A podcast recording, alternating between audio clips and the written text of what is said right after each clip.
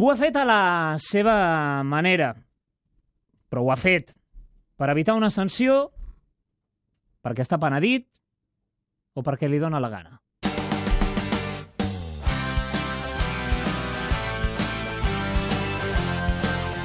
El City des de la City. Tres quarts de tres de la tarda, som al Catalunya Migdia Esports de Catalunya Ràdio. Volem saber què està passant a la City. Pol Gustems, bona tarda. Hola Robert, bona tarda. Pellegrini, el tècnic del City, ha demanat disculpes per les seves declaracions contra l'àrbitre, però demana disculpes perquè toca.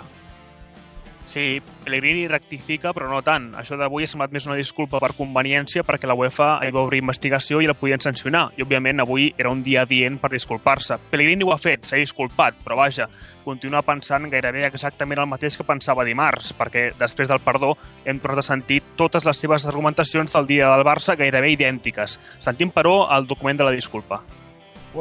Sí, ara penso diferent. Quan perds un partit de la forma com nosaltres vam perdre contra el Barça, et sents frustrat, t'enfades. I potser també vaig dir algunes coses que realment no pensava d'aquella manera. Per això demano disculpes. Però també vull aclarir el que vaig dir, perquè no vaig fer acusacions serioses cap a ningú, ni cap a la UEFA, ni cap a l'àrbitre.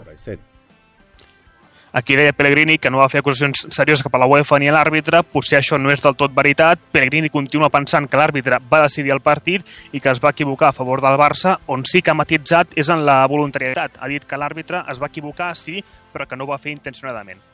I repeat, it's not my, my way to act. To... Repeteixo, parlar de l'àrbitre no és la meva manera d'actuar, però en aquest cas no va tenir un bon dia.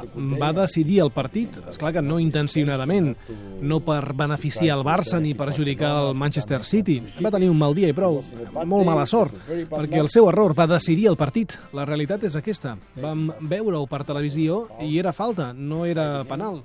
But the reality of we saw after the TV was foul and it was not, was not was, it wasn't penalty.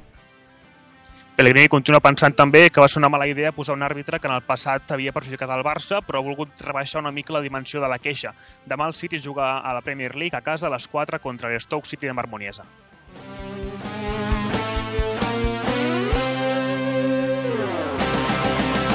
Catalunya migdia esports amb Robert Prat.